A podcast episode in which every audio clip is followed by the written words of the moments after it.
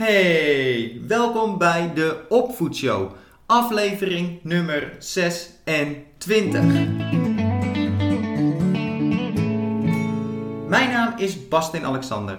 Ik ben orthopedagoog, oftewel opvoeddeskundige en gedragswetenschapper. Tijdens de Opvoedshow bespreek ik verschillende tools en technieken, alles met betrekking tot de opvoeding.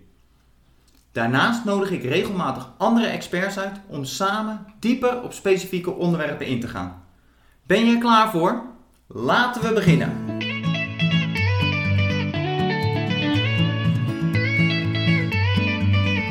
Vandaag is aflevering nummer 26. En omdat de Opvoedshow een wekelijkse show is, betekent dat een half jaar content. En dat is toch wel iets om bij even bij stil te staan. Woe! Mijn doel met de Opvoedshow is om jou bewuster over de opvoeding na te laten denken. Er is geen one size fits all. Het is essentieel dat je van binnen naar buiten gaat bepalen wat voor ouder jij wilt zijn en wat jij belangrijk vindt in de opvoeding, in plaats van de vaak onrealistische eisen en verwachtingen van de buitenwereld proberen na te jagen. We kijken aan de ene kant hoe jouw rol als ouder het gedrag van je kind beïnvloedt. En daarnaast hoe jij stress en verwachtingen kunt controleren en geen negatieve impact op je leven kunt hebben. Zodat jij de ouder thuis kunt zijn, consistent die je zou willen zijn, en kunt communiceren zonder ruzie. Aan de andere kant bespreken we natuurlijk ook hele specifieke tools over de opvoeding om die leuker en makkelijker te maken. Het is namelijk voor veel mensen een droom om ouder te worden. En ze hebben hele mooie verwachtingen over dat ouderschap. En de natuur is prachtig geregeld daarin. Je hormoonhuishouding verandert en je wordt heel sensitief voor hele kleine signalen voor wanneer je kind je nodig heeft en wat je kind op dat moment nodig heeft. Maar er komt nog iets kijken bij het ouderschap.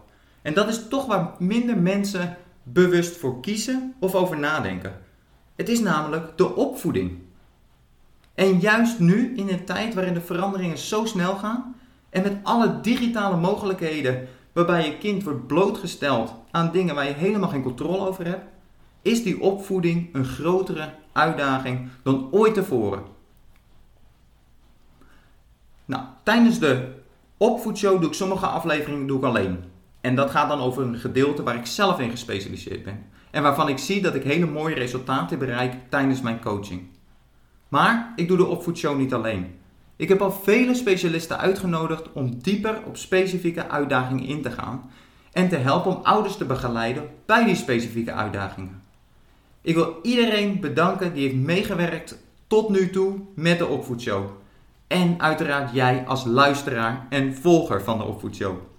Hier is op nog vele jaren. Oké, terug naar de realiteit en naar de aflevering van deze week. Er is namelijk een uitdaging waarvan ik denk dat nou ja, praktisch elke ouder in kleine of grote mate mee te maken heeft gehad. En dat is namelijk het slaapritme van je kind. Wat is het juiste ritme? En bestaat dat juiste ritme wel? Wat kun je nou doen als je kind moeilijk in slaap komt? Niet alleen wil slapen of telkens maar weer uit bed komt nadat het avondritueel is afgesloten. Als je het gedrag van je kind niet goed begrijpt, en niet goed weet hoe je het aan kunt pakken, kan dit enorm frustrerend zijn. Het kan je onzeker maken en tel daarbij ook nog eens je eigen slaaptekort als consequentie daarvan en je snapt dat die goede nachtrust van je kind een must is. En om hier dieper op in te gaan en meer zelfvertrouwen te ontwikkelen in het juiste avondritueel en een goede, consistente aanpak te kiezen, heb ik Gentle Sleep Coach Evelina de Groot uitgenodigd. Je komt niet vaak iemand tegen die zo gepassioneerd kan vertellen over een onderwerp. We hebben een powerful interview gehad en ik kan niet wachten om het met je te delen. In het interview deelt ze vele goede tips hoe jij met de uitdagingen van je kind om kan gaan als het gaat om slapen. We hadden nog wel uren door kunnen praten. Dus ik twijfel niet dat ik haar nog een keer terugvraag en dat ze nog een keer terugkomt op de opvoedshow. Maar ik weet zeker dat je na de aflevering van vandaag wegloopt met power tools. Waarbij naar bed brengen makkelijker en ook leuker wordt. We gaan dieper in op verwachtingen uitspreken, consistentie, keuzes aanbieden, voorspelbaarheid creëren, de juiste kleur van het nachtlampje, de bedtime pass en nog vele andere onderwerpen en tips. Ik zei het al, de aflevering zit bomvol inspiratie en concrete acties. Laten we snel overgaan naar het interview met Evelina de Groot. Heel veel plezier! Hey Eveline, wat ontzettend leuk dat je, dat je er bent en, en welkom bij de Opvoedshow. Om te beginnen, zou je misschien kunnen vertellen wie je bent en wat je precies doet? Ja, hoi, hoi. Wat leuk dat je me hebt uitgenodigd. Ik, uh, ik ben Evelina de Groot en ik ben Gentle Sleep Coach. In het Nederlands beetje kinderslaapcoach. Uh, ja, ik ben 35 jaar en uh, ik heb twee kinderen en ik ga straks wat meer daarover vertellen. Ja. Nou ja, ja kun je er wat meer over vertellen van, ja. over je gezin en je kinderen? Yes, nou, twee jonge kinderen en ik had een hele verantwoordelijke baan en uh, ik ging eigenlijk heel onbevangen in in mijn moederschap. Ik dacht, oké, okay, dat gaat allemaal vanzelf, met de roze wolk. Maar dat veranderde eigenlijk gelijk al. Ik uh, werd helemaal overspoeld door ja, de liefde, maar ook het slaapgebrek. En ik dacht echt, uh, ik was een uh, moeder die alles soort van dacht: oké, okay, als we het volgens dit boekje, volgens deze regels doen, dan moet het lukken. Nou, het ging allemaal. De, de boeken die ik had, die werkten niet. En uh, vijf jaar terug, mijn zoon is nu vijf jaar. Ja, ging naar consultatiebureau. Ik zei: ja, hij slaapt gewoon niet goed. Ik, ik moet weer aan het werk. En hoe moet dat dan? En toen kreeg ik het advies, en wat nog steeds eigenlijk wel vrij gebruikelijk is, om hem te laten huilen. En dus ja, dat doe je dan maar. Hè? Want je bent een uh, ouder en je denkt, nou, oké, okay, nou dan doen we dat maar. Verstand op nul. En die, die nacht, ja, toen gebeurde er iets. Want toen, dat was zo heftig. En mijn hele lijf is schreeuwde van, ja, dit moet ik eigenlijk niet willen.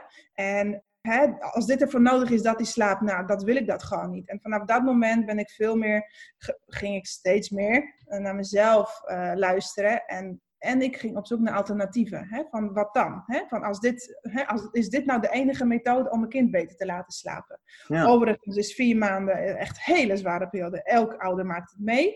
Dus het was gewoon, de timing was ook niet goed, maar ik wist het gewoon niet. En nou, als moeder, hè, je maakt je zorgen, je bent onzeker. En je, ook, ook, trouwens ook mijn partner. Hè?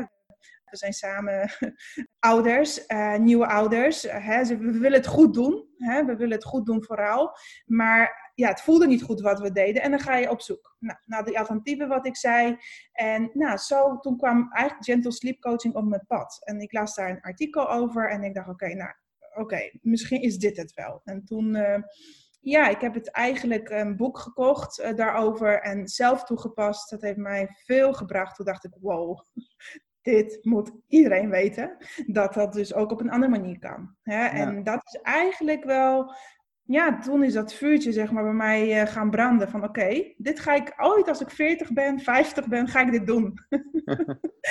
Dan ga ik ook uh, kinderen helpen slapen ja, dat is iets eerder geworden. Want ik had een uh, ja, pittige baan. Wel een hele leuke baan, maar het was gewoon veel avonden. En ik wilde s'avonds niet te combineren met de baan van mijn man. En dan ga je op zoek van, ja oké, wat ga ik dan voor mezelf doen? En ik heb ooit maatschappelijk werk gestudeerd. In India in een weeshuis gewerkt. En ik, ik had altijd iets met kinderen, met vrouwen ondersteunen. En nou, dit, kwam op mijn pad. Het had zo moeten zijn. En uh, ja, nu ben ik dus ja, ja, al meer dan een jaar een gentle sleep coach in Nederland het loopt heel goed. Het is heel dankbaar werk. Ja, ja wat werk. mooi. En, en, wat mooi ook dat je dat, die slag hebt gemaakt eigenlijk. Van dat je zelf een probleem tegenkwam. En met je eigen opleiding en je eigen achtergrond, zeg maar, dat hebt kunnen combineren. En dat in, in zo'n mooie business hebt kunnen ontwikkelen. Ja, weet je, het is, het, wij ervaren het als een probleem, maar soms zijn dingen normaal. Alleen omdat onze maatschappij, hè, jij is natuurlijk ergens anders nu, dus jij hebt hele andere. Maar hè, hier in Nederland, in het Westen, is het gewoon zo geregeld. En het lijkt wel alsof allemaal maakbaar is. En het lijkt ook van, we moeten ook presteren en doorgaan. Hè, in ons leven, van, ons leven was natuurlijk heel mooi en opeens kreeg je een kind die bepaalde alles. En nou ja, hè, denk je van, huh? En nou ja, ik... Um, ik kijk daar nu met een ander bril naar. En ik probeer wel ouders in ieder geval uh, hè, van, ja, je kind slaapt niet. Ja, dat kan een probleem. Het, zeker als je slaapgebrek hebt, daar gaan we het ook over hebben. Het is super heftig, want je wil niet weten wat ik meemaak. Ja. Uh, maar nou ja, dus ook weer, weer tijd geven voor jezelf om in die nieuwe rol te komen. En ja, en slaapgebrek hoort erbij. Zeker eerste jaren. Maar goed, jij, jij focust iets meer op basisschoolleeftijd. Ook daar zitten slaapissue, zeg maar, hè, zijn uh, groot. En uh, dat ga ik niet ontkennen. En als iemand inderdaad daar gewoon last van heeft en niet kan functioneren, hè, dan, dan moeten we daar wat aan gaan doen. En dat kan ook. En, maar dan op een ja, respectvolle manier. Hè? Dus niet met het. Nou, ga ik straks uitleggen. Ja, precies. Van, voordat we daar dieper op ingaan, inderdaad. Ik denk dat iedereen wel weet dat een goede nachtrust is heel erg belangrijk en, en wat het verschil daarin is. Maar omdat je het zelf zo specifiek hebt meegemaakt, kun je uitleggen van wat het voor jou betekende. En ook die onzekerheid van dat je niet weet wat je kan doen, niet die handvatten hebben om met een kind wat, wat niet goed slaapt, waarvan je misschien denkt wat een probleem is, wat helemaal geen probleem is, naar dat je de kennis hebt, de controle hebt en die handvatten hebt, dat je in ieder geval weet wat je moet doen op het moment dat je voor die situatie staat. En misschien daardoor zelf meer nachtrust kan creëren. Kun je dat, dat verschil en die transitie uitleggen, wat dat voor jou betekende specifiek? Ja, ja, kijk, je bent als nieuwe ouder ben je sowieso op zoek naar van oké, hoe moet ik met iets omgaan? En wij denken heel erg van oké, als we volgens het boekje dit gaan doen, dan gaat het lukken. Of als we deze schema of slaapschema aanhouden, dan moet het lukken. Of als we dit toepassen, oh ja, hè? gegarandeerd. Maar dat werkt natuurlijk niet zo in, in praktijk. Hè? Dus ik was ook heel erg bezig aan het soort van controleren van oké, ik moet het volgens dit boekje en niet, niet zo lang en zo laat naar bed. En terwijl hè, elk kind is uniek. Elk kind heeft een eigen ritme, net als jij en ik. Wij slapen mhm. ook anders. We hebben niet precies dezelfde wakkertijden, niet precies dezelfde bedtijd en toch functioneren we goed, waarschijnlijk. Hè? Uh, dus het is een enorme zoektocht voor mij geweest van oké, dit is allemaal kennis die ik allemaal weet en lees. En, hè, maar ik merk in praktijk, lukt het niet zo. En ik, word ik werd er heel onzeker van. Dat was zeg maar mijn, uh, mijn struggle. En toen dacht ik, ik wil meer vanuit mezelf. Maar ik was wel op zoek naar van, oké, hoe ga ik dat dan op een andere manier dan volgens al die andere boekjes doen? Nou, dan, hè, dat de, de, de responsieve aanpak die ik in mijn praktijk uh, hanteer. Dat gaat veel meer uit van sensitief reageren. En we weten ook, hè, sensitief opvoeden, responsief opvoeden. Lange termijn heeft dat veel betere impact op je kind dan, nou, als je je kunt voorstellen bijvoorbeeld laten huilen of alleen laten huilen. Hè, hoe stressvol dat is en wat voor impact dat ook dan weer kan hebben op veilige hechting of in je relatie met het kindje of eigen zelfbeeld, et cetera. Dus ik, ik voelde veel meer voor die andere aanpak. Alleen vijf jaar geleden was die nog vrij onbekend. Hè? Nu wordt dat steeds meer. Er zijn steeds meer coaches. Overigens verschillende coaches. Dus niet iedereen hanteert deze aanpak. Daar moet je ook altijd goed naar kijken. Maar voor mij maakt het in ieder geval... Oké, ik, ik weet wat ik kan doen. En ik weet dat ik het niet hoef te laten huilen, omdat ik ook luister naar mijn onderbuikgevoel als ouder. Van als iets niet goed voelt, dan ga ik het gewoon niet doen. En nou, dat is zeg maar een beetje mijn transitie geweest. En nu ben ik blij dat ik dit dus ook zo in mijn praktijk met nieuwe ouders of ouders wat oudere kinderen, hè, die gewoon ook compleet beetje misschien de controle denken kwijt te geraakt te zijn, die we eigenlijk overigens niet hebben als ouders. Maar goed, het is allemaal loslaten. Hè. Maar nou ja, dat ik ze daarbij kan ondersteunen. Vanuit hun gevoel, vanuit hun intuïtie. Tuurlijk pas ik responsieve methoden die bewezen wetenschappelijk werken, maar ik pas dat altijd aan aan het gezin. Aan welke opvoedstijl ze gaan hanteren, aan welke uh, waardenormen ze hebben, hoe zij dat willen doen. En soms gaat het sneller, soms gaat het trager. Zij bepalen tempo. Ja. ja. Kun je daar wat meer over vertellen, zeg maar, van, van je werkwijze dan? Van je, je hebt inderdaad dus duidelijk dat je er heel veel over geleerd hebt, heel veel over gelezen hebt, heel veel kennis van hebt. Kun je mhm. aangeven van hoe, dat, hoe zo'n proces met zo'n, met zo'n ouder gaat, zeg maar? Van waar die dan op moet letten, wat hele belangrijke punten zijn hoe de opvoedstijl uh, zeg maar combineert met het slaapritueel en hoe je daarnaar kijkt.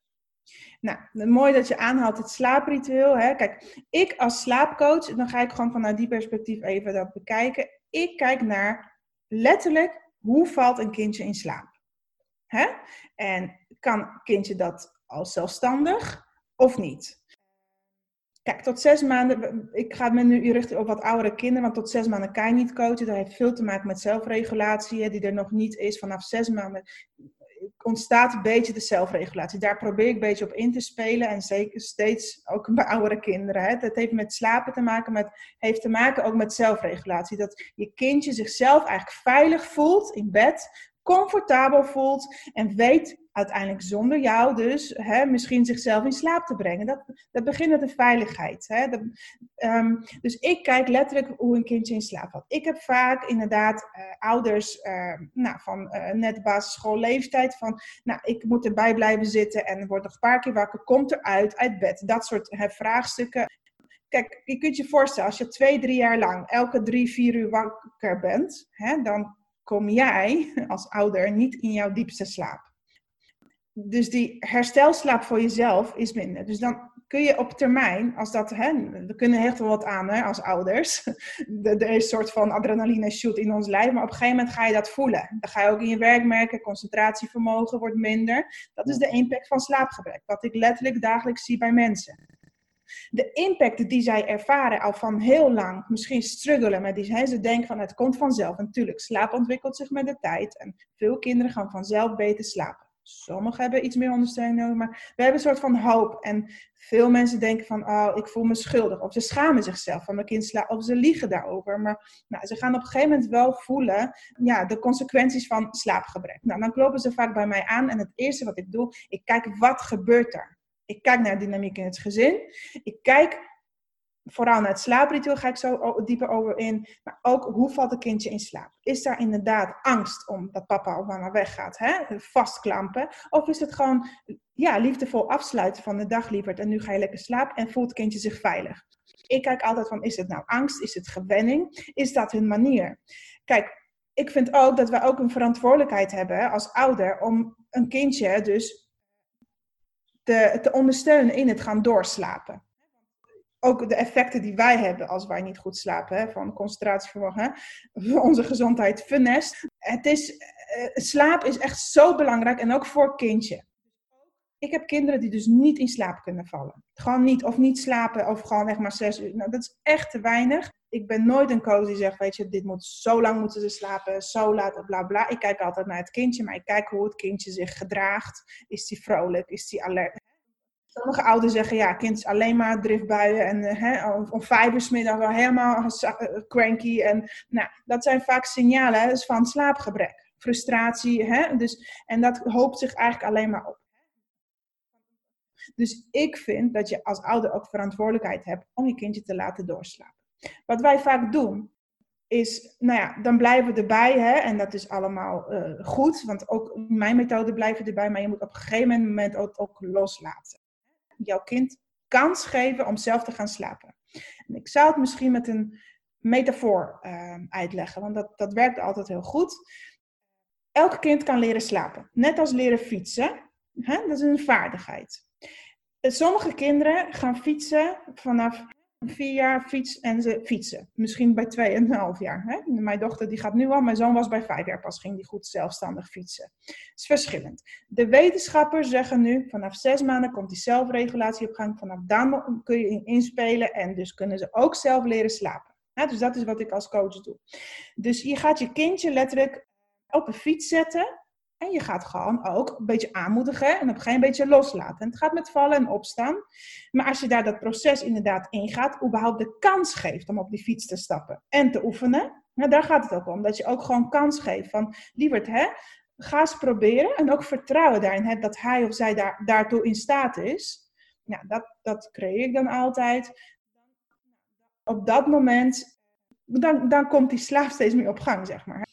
Ja, heb ik dat goed uitgelegd? Ja, absoluut. En ik vind het ook mooi dat je het echt een vaardigheid noemt. En niet iets van, ja, mijn kind slaapt niet. Dat is dus onderdeel van dienstidentiteit. Maar dat je het heel erg vernoemt van, nee, die heeft het dus nog niet geleerd. Of die is nog niet in de ontwikkeling zover. En als ouder inderdaad, dat je daarbij kan begeleiden. Maar ook met die intentie van, hij of zij kan het leren. En het heeft alleen iets langer nodig. Of het is iets meer met vallen en opstaan. Maar het gaat er komen. En ik vind het ook heel mooi dat je aangeeft van dat, het, dat je eigenlijk zegt van nou, je komt binnen en dan kijk je. Is het een angst van dat het kind zich misschien niet veilig voelt alleen in bed, in de kamer? Of is het gewenning? En ik zou graag daar heel eventjes op in willen zoomen.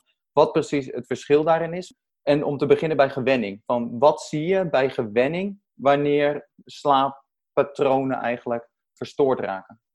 Ja, dat moet ik beter toelichten. Dus ik kijk inderdaad van wat gebeurt er? Inderdaad, is het angst? Hè? Dus dan probeer je kindje inderdaad uh, ja, uh, veiligheid te creëren. Daar begint het al. Uh, of is het inderdaad, zijn er gewoon gewoontes? Is, de kindje heeft niet eens kans om op die fiets te stappen. Hè? letterlijk. Hè? Dus kijk, bij baby's dan kijk ik van, als bijvoorbeeld baby in slaap gevoed wordt, ik noem dat niet negatief, maar op een gegeven moment is dat gewoon ongunstig.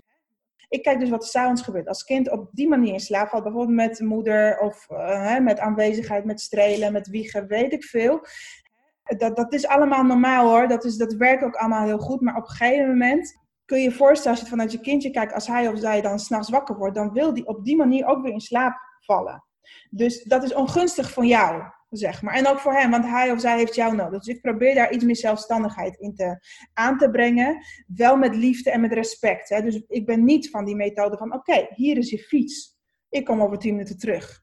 Zoek het uit. Hè. Dus de tien minuten regel van uh, laten huilen eigenlijk. Van, en daarna weer terugkomen. Nee, uitleggen. En vooral oudere kinderen vanaf 2,5 jaar kan je heel goed bij het proces betrekken. Zij zijn ook bewust van dat, dat, dat, dat jij het ook niet fijn vindt dat zij vaak wakker worden. Hè? Dus sommige kindjes voelen zichzelf schuldig. Ze doen dat echt niet expres. Elk kind wil slapen. Geloof mij, elk, maar sommigen kunnen dat gewoon niet. Nou, dan is het aan jou de taak om ze te helpen. Ik vind het heel mooi dat je inderdaad aangeeft, ook als ouder, als mindset. En dat kom ik ook heel vaak in mijn coaching tegen.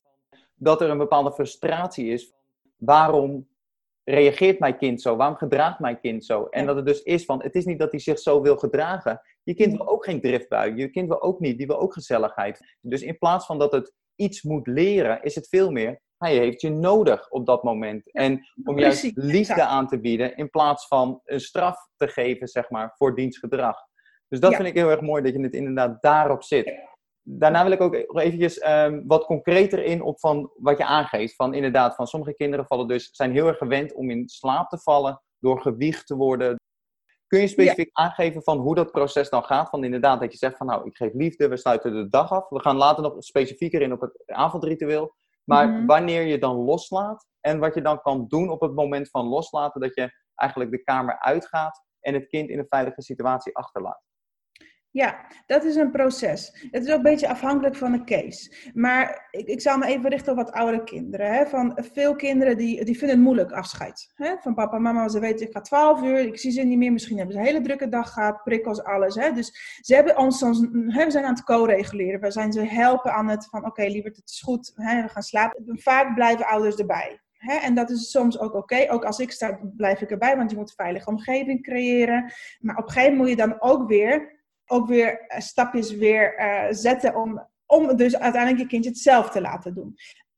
Um, dus wat ik doe, ik betrek kindje heel erg in het proces. Dat zei net ook. En hoe doe ik dat? Ik bespreek gewoon met het kindje van, lieverd, ik zie gewoon dat, dat jij moeilijk vindt om zelf in slaap te vallen. En dat is ook moeilijk, dat snap ik, want ik heb het jou nog niet geleerd. Dus dan neem je schuld op jezelf als ouder. En ik wil je helpen. We gaan het gewoon samen doen. Nou, dan, dan probeer je een beetje.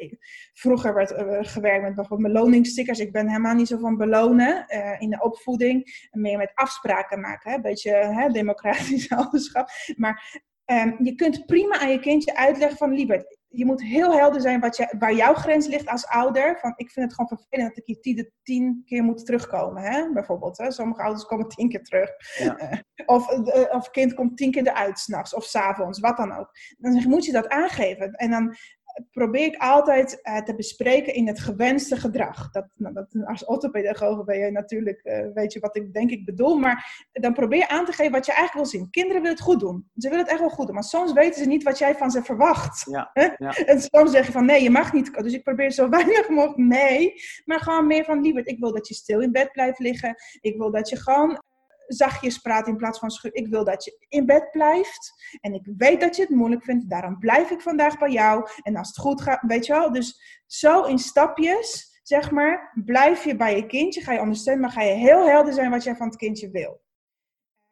En de kinderen willen het goed doen. Dus op die manier, ja, dat is één wat oudere kinderen nou, dus bespreekbaar maken en dan vertellen van, eh, gewoon het groot maken van, ja, we hebben het eigenlijk niet zo goed gedaan, maar mij heeft jou niet goed ondersteund. Hè, we, we, gaan jou helpen en al jouw vriendinnetjes slapen, dus jij kan het ook echt wel. En nou, meer dat zelfvertrouwen van, ja, ik kan het ook wel, ik krijg hulp. Nou, en op die manier, nou, ik ga natuurlijk niet alle details, dat is een beetje... Nee, nee maar het is wel vrij helder inderdaad met überhaupt bespreekbaar. Sommige mensen communiceren niet met, met kinderen daarover. Hè? Dan is het weer avond en dan, liggen ze, en dan komt het kind eruit. Dan is, oh, ik en dan is een soort van frustratie en onmacht en continu terugleggen en een soort van strijd. Je gaat nu naar bed, je blijft in bed. Nou, weet je, dat is... Dat wil je niet, ook zelf als ouder niet. En ik weet dat dat bij heel veel gebeurt. Maar uh, als jij daar even van af, naar af kijkt en bedenkt van hij wil het ook niet, maar hij weet gewoon niet hoe. Ik blijf er even bij, ik help hem en als dat even, als die veiligheid er is, nou, dan neem ik afstand, zeg maar.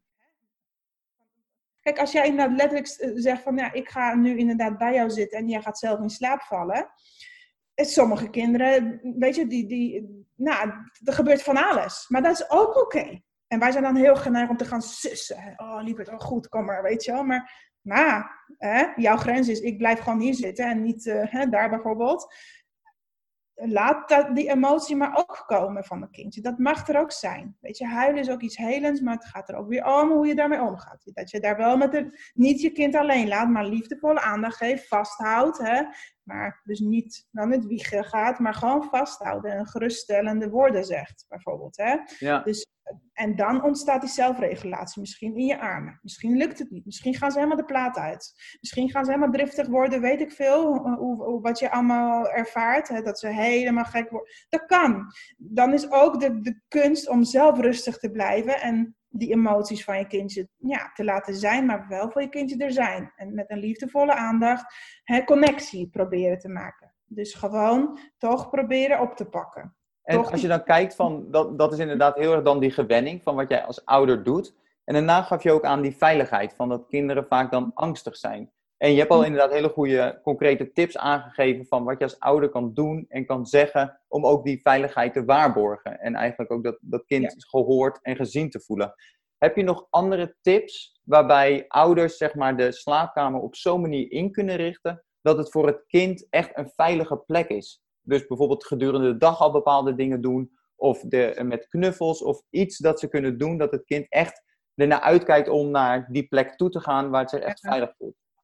Kijk, avond is een heel belangrijk onderdeel van de dag. Want dan, dan, dan sluit je de dag af. Hè? Dus eigenlijk wat je wilt, wat ik altijd probeer te creëren met mijn gezinnen uiteindelijk, is dat ze gewoon eigenlijk bijna gaan uitkijken over we gaan slaapritueel. En we gaan inderdaad samen een boekje lezen. Overigens nog even slaapritueel. Welke methode je ook toepast. Al doe je cold turkey, uh, cry it out. Al doe je gecontroleerd laten huilen met 5 minuten methode, 10 minuten. Doe je responsieve aanpak of whatever else alles start met een consistent slaapritueel. Ja, dat is duizenden onderzoeken naar geweest. Dit is echt hoe, hoe sneller, hoe beter, hoe consistenter en hoe liefdevoller het slaapritueel is, hoe sneller je kind in slaap valt en hoe langer en beter die doorslaapt. Directe link. Oké, dus ik, dat hebben niet heel veel aandacht nu aan besteed, maar het betekent dat je gewoon een aantal onderdelen, eh, makkelijke dingen. Het hoeft ook niet een half uur te duren, maar gewoon standaard dingen, weet je, in badje of tanden poetsen, pyjama aan, in standaard volgorde eh, doet. Aantal heel kenbare dingen. En ehm, op die manier programmeer je je kind eigenlijk in slaap. Als je het elke keer op dezelfde manier doet, en misschien nog wel met hetzelfde boekje, dan weet jouw kind niet beter. Dan gaan ze ook niet. Dat is dan een. Uh, dan gaat het vanzelf. Dan is er weinig uh, ruimte om discussie te voeren. Dat is meer een soort van mededeling. En natuurlijk kijk je altijd even of je ook weer ruimte kan geven tijdens het slaapritueel aan je kindje. Dus, je, hè, dus ik zeg, nou, je meldt gewoon, we gaan nu naar boven. Dat is geen discussie. Maar uh, nou, ga je zelf je tanden poetsen of moet ik het doen? Keuze gaan we dit, welk boekje wil je lezen? We gaan één boekje lezen. Welk boekje wil je lezen? Ook weer een keuze. Dat vinden ze heerlijk. Maar daarnaast is ook heel belangrijk, wat ik probeer altijd nog even vijf of tien minuten connectie maken in de avond. dus net even dat extra knuffel van je hebt een leuke dag gehad, bespreek met je kind. Wat, wat, heeft hij gedaan? Weet je, het hoeft ook niet uitgebreid. Je hebt lekker banaan gegeten, in de speeltuin gespeeld, dit boekje gelezen. Aantal dingen dat ze hun dag verwerken. En dan maak je connectie. Dus bewezen, 20 minuten per dag connectie met je kind moet echt. Minimaal. Hè? En zeker als je de hele dag hebt gewerkt en jouw kind op de opvang is geweest, dan komt hij thuis. Nou, bleh, ontlading. Calculeer altijd in dat het gewoon echt niet vanzelf allemaal gaat. Nou, dan, nou en dan, dan is het inderdaad toch uitkijken naar mama gaat me naar bed brengen. Hè? Of papa. En nou, als ze precies weten wat er dan gebeurt, ze moeten, kinderen moeten gewoon weten waar ze, daar hebben ze controle.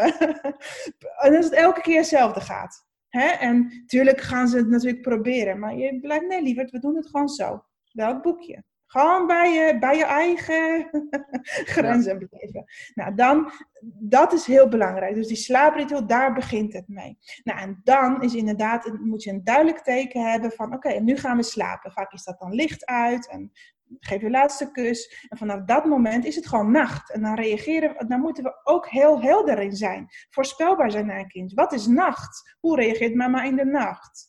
en daar, nou, weet je, als, als ze heel vaak uitkomen, nou, dan bespreek ik, dan maak ik altijd een plan, want het, kan niet in één keer. Je moet het afbouwen, wat dan ook. Maar het gaat uiteindelijk altijd om voorspelbaar gedrag. Dat je kind weet hoe jij reageert, dan voelt hij zich veilig. En als je continu dezelfde manier, een beetje monotoon, wordt het is goed, we gaan slapen. Is niks aan de hand. Mama houdt van je, slaap lekker. Nou, whatever, weet ik veel wat je verzint. Als je het continu doet, kan je je voorstellen als dat continu dezelfde reacties of een knuffel. Ik tel bijvoorbeeld met de zang altijd tot tien en dan ga ik weg als hij s'nachts wakker wordt. Eén ding, zeg één ding, doe één ding, dan ben je voorspelbaar. En dat biedt gelijk rust en hou vast, zeg maar. Ja, is dat antwoord op je vraag?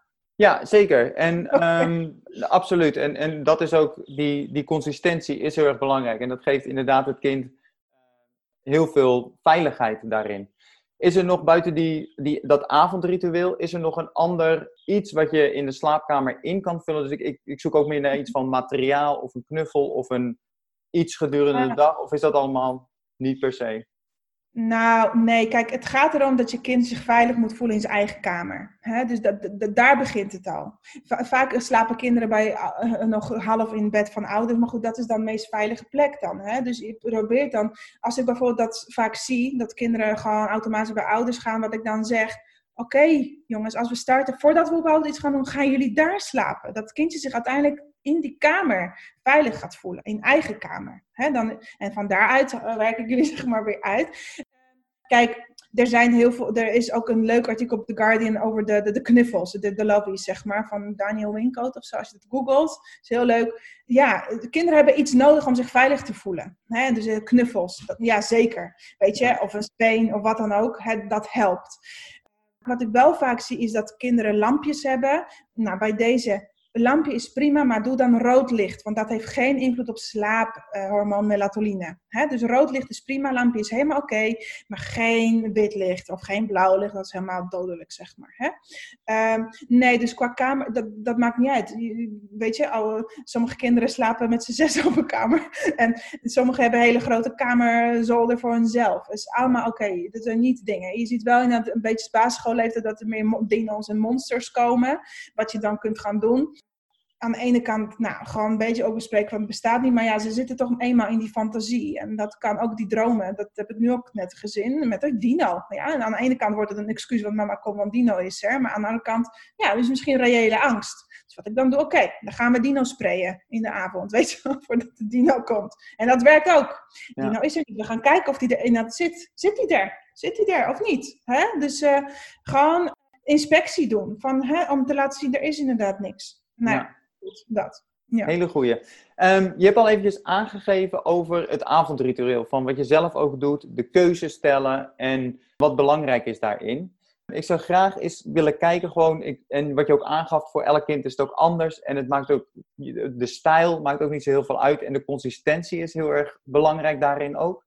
Maar zou je eens bijvoorbeeld, en het kan je eigen avondritueel zijn, of bijvoorbeeld een powervolle avondritueel die je met een van je klanten hebt gehad, waarin je zegt van dit is een voorbeeldritueel, wanneer begint het en wanneer eindigt het? En we hoeven niet alle details heel uitgebreid, maar gewoon kort de stappen van zo'n avondritueel. Wanneer het begint bijvoorbeeld bij nou, nog 10 minuten tv kijken, dan gaan we dan dat, dat aankondigen. Oh, oké. Ehm, ja, kan ik wel doen. Het begint eigenlijk op de dag, hè? dat je connectie maakt met je kindje. Hè? Want je kind gaat pas slapen als hij zich gezien voelt, geliefd voelt, gehoord voelt. Hè? En dat begint ook overdag.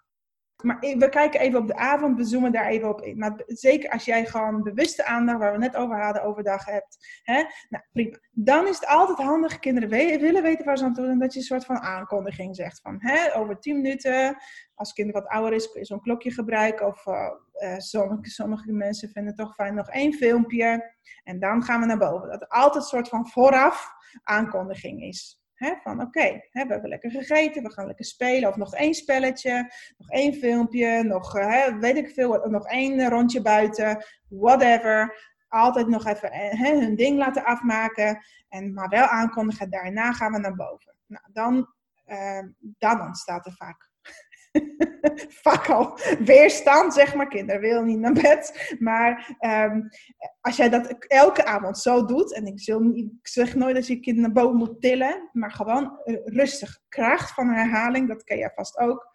We gaan nu naar boven, lieverd. Het is goed, het is klaar.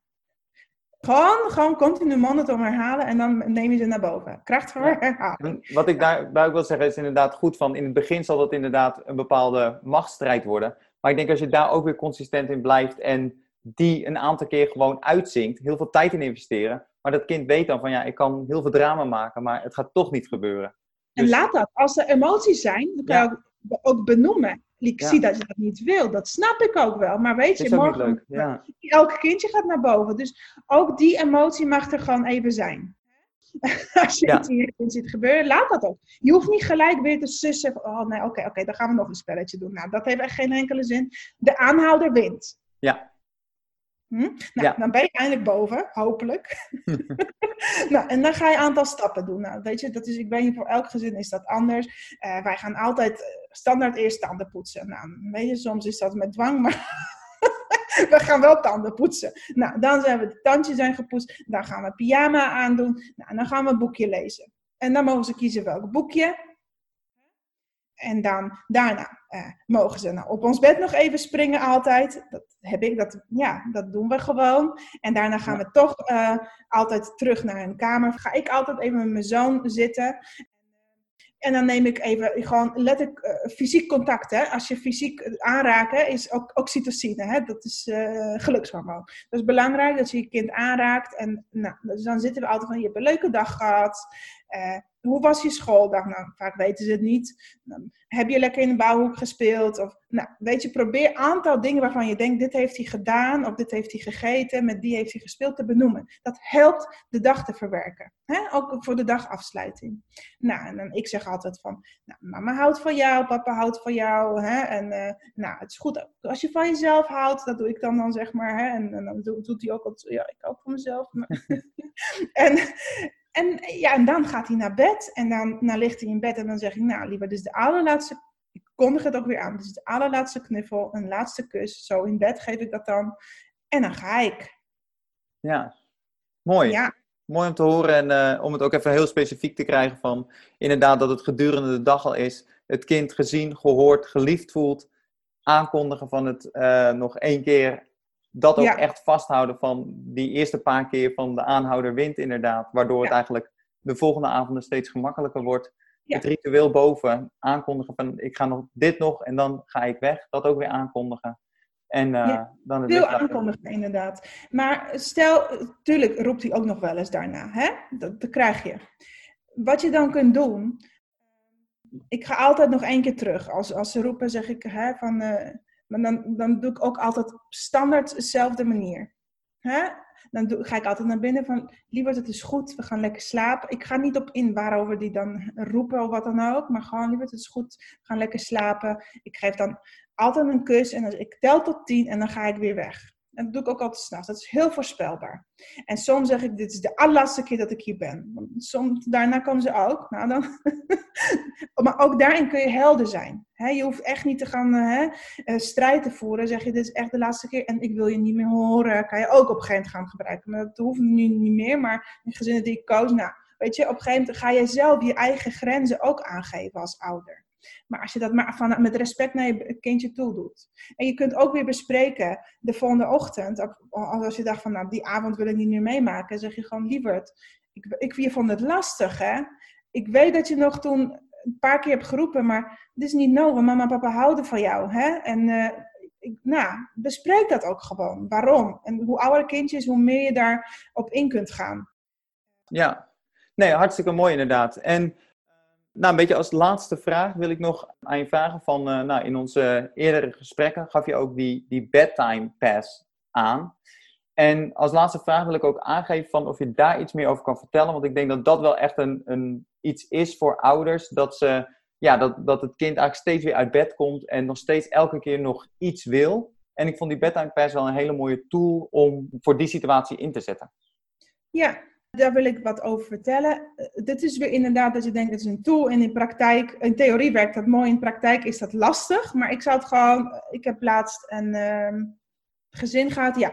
Hoe oud was? Volgens mij drie. Nou, drie, drie, drie, twee maanden. Ik weet het niet meer. Maar het kindje kwam sowieso, heel belangrijk, kinderen tot vanaf 2,5, want heel veel ouders leggen kinderen al in het peuterbedje dat ze nog, nog één zijn of richting twee. Kinderen zijn pas in staat om te begrijpen wat het betekent om in eigen bed te blijven liggen, hele nacht in eigen bed, zonder cognitief in staat. Vanaf 2,5, 3 jaar, het liefst 3 jaar. Dus hou je dat is letterlijk begrenzen. Hou je kindje dan in bed. Maar goed, stel je kind komt er, dat is een methode, hè? dus de bed, ik weet niet eens hoe het in het Nederlands heet. Het is een methode die, die je kunt toepassen, maar het zal nooit werken als je daar niet een heel plan omheen hebt en consistent gedrag vertoont, et cetera. Dus, maar ik zal het kort toelichten. Wat ik vaak heb, is dat kinderen in dat tien keer eruit komen. Nou, dan zijn, als ze wat ouder zijn dan uh, drie, dan weet je, oké, dan gaan we afspraken maken. Ik weet dat je zo vaak eruit komt. Hè? Dan ga je eerst bespreken van hoe komt dat dan? Nou, hè, je, gaat zeggen, ik, ik, help je, dus ik blijf erbij zitten. Maar ik wil dat je hè, niet uitkomt of je blijft er niet bij zitten. En als je erbij blijft, dan werk ik je de kamer uit. Maar nou, stel dat het alleen dat is, in theorie, dan uh, kun je gewoon met je kindje ook afspraak maken van lieverd, ik wil gewoon dat jij hè, uh, in bed blijft liggen. Je vindt het toch moeilijk? Maar dan mag je bijvoorbeeld vanavond dan maken we een kaartjes, dan, heb je een kaartje om eruit te komen. En dat versier je dan bijvoorbeeld, dus een, gewoon een kaartje, zoals van, hoe, hoe, zeg ik dat? Een, uh, een kaartje, ja. ja. Gewoon een kaartje, ja, een kaartje om uit te komen. En sommige kinderen hebben in eerste instantie vier kaartjes nodig, dat is nog vier keer uitkomen. En dat, nou, hè, als dat lukt, hè, hier hebben vier kaartjes, nou versier je dat, je mag dus vier keer vanavond uitkomen. Nou, vaak houden ze het gelijk eraan, serieus. Sommigen vinden het moeilijk. Oké, dan doe je die dag daarna. Dus bespreken. Ik weet dat je het moeilijk vindt, maar we hebben afgesproken vier kaartjes. Dit is de laatste kaartje dat je mama geeft. Dus je mag nog één keer uitkomen. Nou, als dat goed gaat, als ze dat doorhebben, verminder je de kaartjes. Dus dan doe je de volgende dag drie. Uh, en als dat al goed gaat, probeer dat wel niet al te lang uh, in te houden. Maar op een gegeven moment zit je natuurlijk op één kaartje.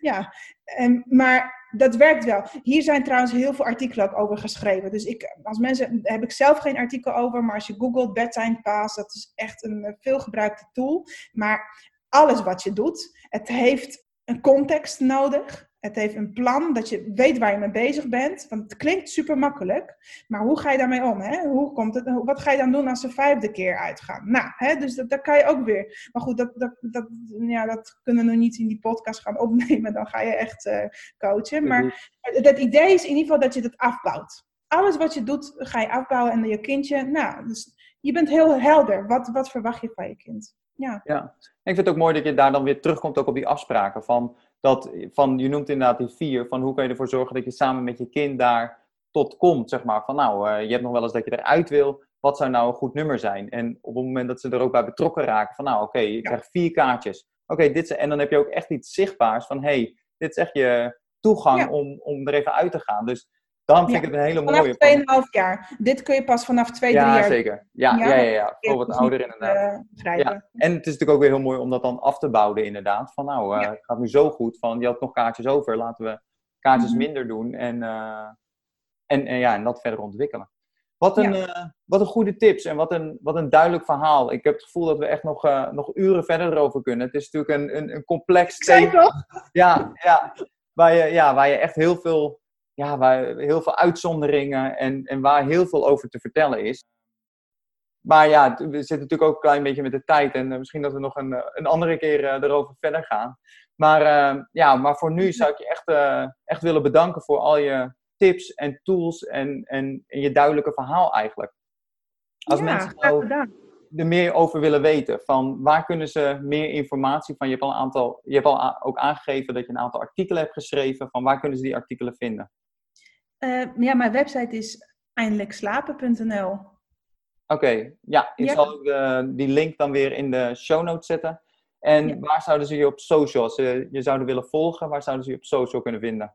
Oh, nou dat is vanuit mijn website wordt daar ook naar gelinkt, maar eh, gewoon eh, Evelina eindelijk slapen, dan moet je mij vinden ergens. Ja, Ah, Oké, ja zou leuk zijn als jullie mij volgen. Ja. ja, en, en heb je nog een, een media waar je het meest op zit? Op Instagram of Facebook?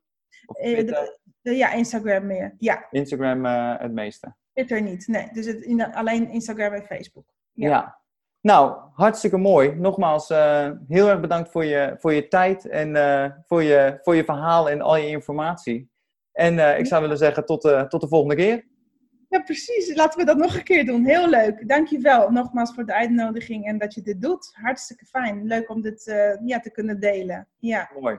Oké, nou, eh, tot de volgende. Ja, dat was hem alweer. Het interview met Evelina de Groot. Zoals ik al had gezegd, we hadden nog uren door kunnen praten. En dit zal zeker niet het laatste interview met haar zijn voor de Opvoedshow. Welke tip sprong er nou voor jou het meeste uit? Welke inspiratie heb jij opgedaan voor jouw avondritueel? Dit was alweer aflevering 26 van de Opvoedshow. Ik wil je vragen, als je baat hebt bij deze podcast en je vindt het fijn om er naar te luisteren, om een beoordeling achter te laten. Op het medium waar je luistert, op Spotify of op iTunes. Ook waardeer ik het altijd als je me helpt om het woord te verspreiden. Al zou het maar één iemand zijn aan wie je de opvoedshow zou voorstellen. Het kan zo'n grote impact maken voor jezelf, maar ook voor mij en de opvoedshow. Voor nu wil ik je weer bedanken voor het luisteren. Kijk kritisch naar je eigen avondritueel en experimenteer wat het beste voor jou en je kinderen werkt. Ik wens je weer een hele goede week toe. Go get them, je kunt het. Tot volgende week. Ciao.